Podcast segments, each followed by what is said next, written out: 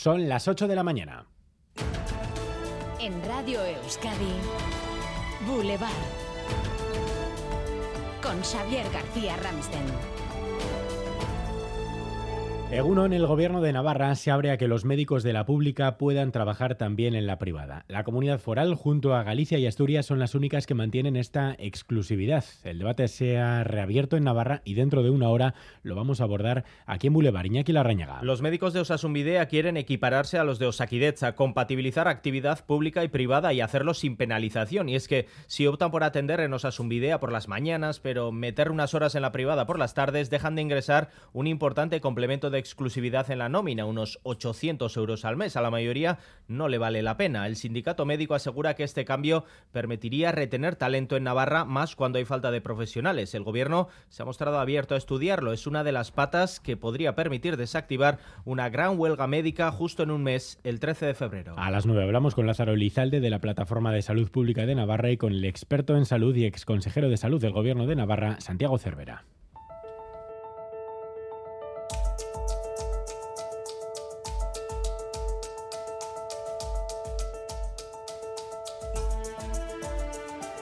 Primeras declaraciones de un dirigente del PNV tras la condena del Supremo del caso de Miguel. En Gambara, aquí en Radio Euskadi, Aitor Esteban niega que le vaya a pasar factura a su partido en las elecciones. Insiste en que el caso no afecta al PNV, aunque a la oposición dice le encantaría les encantaría que fuera así, ¿no? Pero lo cierto es que ni lo era, eh, ni el partido estaba implicado en absoluto en este asunto, y mire que, que lo han intentado por pasiva y por, eh, activa eh, mezclarlas y probar que eso era así en el tribunal, y, y ni fue en primera instancia, ni tampoco el Supremo ha encontrado ningún indicio en ese sentido. Desde la oposición, sin embargo, no lo ven así. El Carrequín Podemos Izquierda Unida insiste en que el caso demuestra que las instituciones vascas están bachoquizadas. Sabemos que el PNV es experto en clientelismo y que no se ha mostrado además activo para, para, erradicarlo. Son 40 años de gobierno del PNV que nos han llevado a esta situación, a la patrimonialización de las instituciones públicas, a la bachoquización de las instituciones. Enseguida ampliamos. Además, siguen las propuestas para hacer frente a la violencia machista. Lo último, la Fiscalía pedirá de oficio medidas cautelares para proteger a las víctimas, aunque ellas no lo soliciten. Sonia Hernando. Hablamos de órdenes de alejamiento, de pulseras telemáticas para el agresor. Sin embargo, los fiscales poco pueden hacer si las mujeres, después de denunciar, deciden no declarar contra sus agresores en los juzgados. En estos casos, dicen los fiscales, es muy difícil que los jueces acepten las cautelares. Dificultades que se añaden a unos juzgados de violencia de género colapsados. Un proceso judicial por violencia de género está llegando a prolongarse hasta dos años en Euskadi. Así bien, este jueves 12 de enero, hoy entra en vigor la reforma del Código Penal que los condenados en el procés van a aprovechar para pedir su absolución.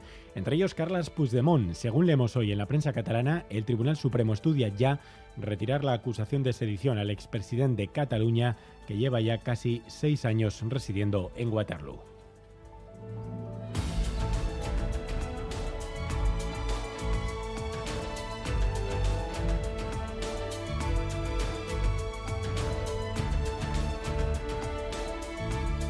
Y seguimos mirando a los tribunales titulares. Leire García Egunón. Egunón, Xavier. Cándido Conde Pumpido, nuevo presidente del Tribunal Constitucional. En su primer eh, discurso como presidente, según fuentes judiciales, destacaba que la Constitución no permite la secesión, la independencia ni la autodeterminación. En 2004 fue nombrado fiscal general del Estado bajo la presidencia de Zapatero, cargo que repitió en 2008. En Estados Unidos continúa abierta la investigación sobre el fallo informático que ha provocado la cancelación de miles de vuelos. Se mantienen algunos retrasos. Durante la jornada de ayer, más de 3.000 aviones que tenían programados vuelos internos en el país se vieron afectados por cancelaciones o aplazamientos. La Casa Blanca ha señalado que hasta el momento no hay pruebas de que se trate de un ciberataque. En Guipúzcoa, una sentencia judicial obliga a devolver a tres transportistas el dinero abonado en el peaje de la Nacional 1. Son las tarifas que pagaron entre 2018 y octubre de 2021, peaje que posteriormente fue anulado judicialmente. En torno a un millar de empresas y autónomos han reclamado esas devoluciones en diferentes juzgados de Guipúzcoa. La Diputación Foral de Vizcaya quiere que 157.000 viajes que actualmente se realizan a diario en coche se hagan en bicicleta en el año 2035. Es uno de los objetivos que contempla el Plan Sectorial Territorial de Vías Ciclistas. Para ello contemplan el desarrollo y la ampliación de la red de Videgorris de Vizcaya. Y en Navarra, el diario de noticias, leemos hoy que el rapero Black Marfil ha sido condenado a dos años y un mes de cárcel por un delito de amenazas colectivas. Esta es parte de la letra de la canción. Corre, Simba, matar al hijo de un munipa. Papel de plata como.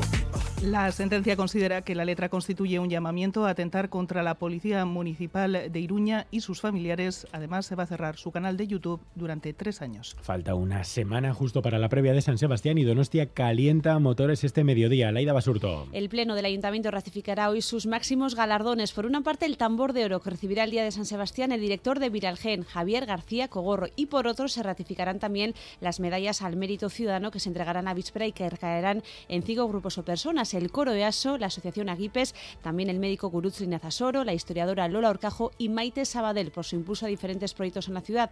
Por cierto, Xavier, que los tambores ya suenan en Donostia, aunque de momento solo en los ensayos de las distintas compañías. Ya, ya hay ganas. Gracias, Laira. y en los deportes, titulares con Álvaro Fernández Cadierno, Egunon. Egunon y con sendos malos resultados, ya que la Real en la Copa de la Reina y lo Rica en Europa han quedado ya eliminados. Las vizcaínas tras perder en Polonia ante el Gorzo por 68-57, las donostiarras al caer en Zubieta frente al Atlético por 0 a 2. Hoy turno para el Atlético y las de Iturregui se miden al Madrid Club de Fútbol, eso sí a domicilio. Y antes del tiempo, nieve o más bien su ausencia, porque esta mañana en Boulevard vamos a hablar de las pistas de esquí. Podrían tener las horas contadas o al menos los años contados.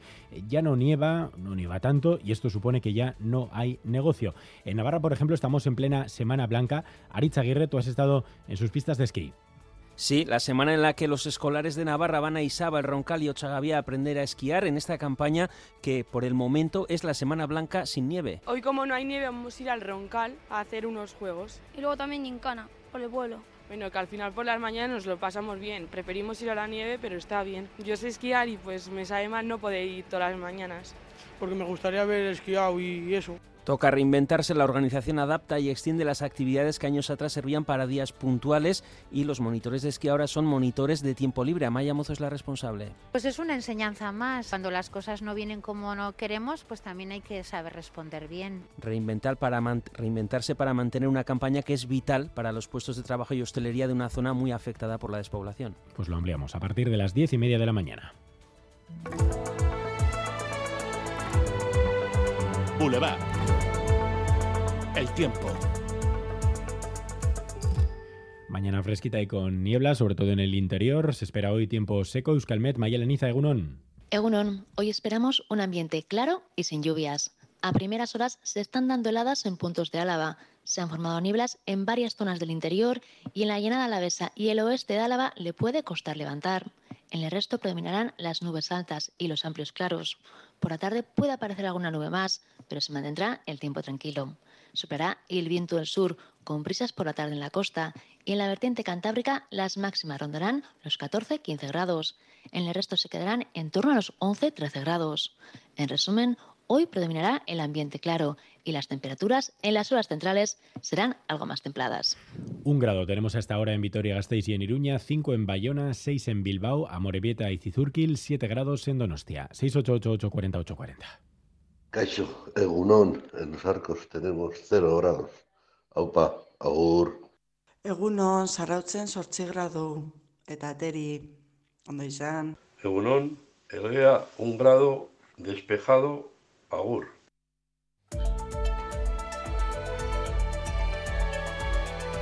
Boulevard.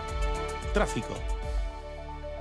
Precaución en el corredor del Chorierri. El Departamento de Seguridad recuerda la colisión de dos vehículos a la altura de Lezama en sentido Galdacao. Hay ya unos tres kilómetros de retenciones. Ayúdanos a mejorar nuestra información con tus comentarios, fotos y vídeos. Envíalos al WhatsApp de Radio Euskadi 688 840 840.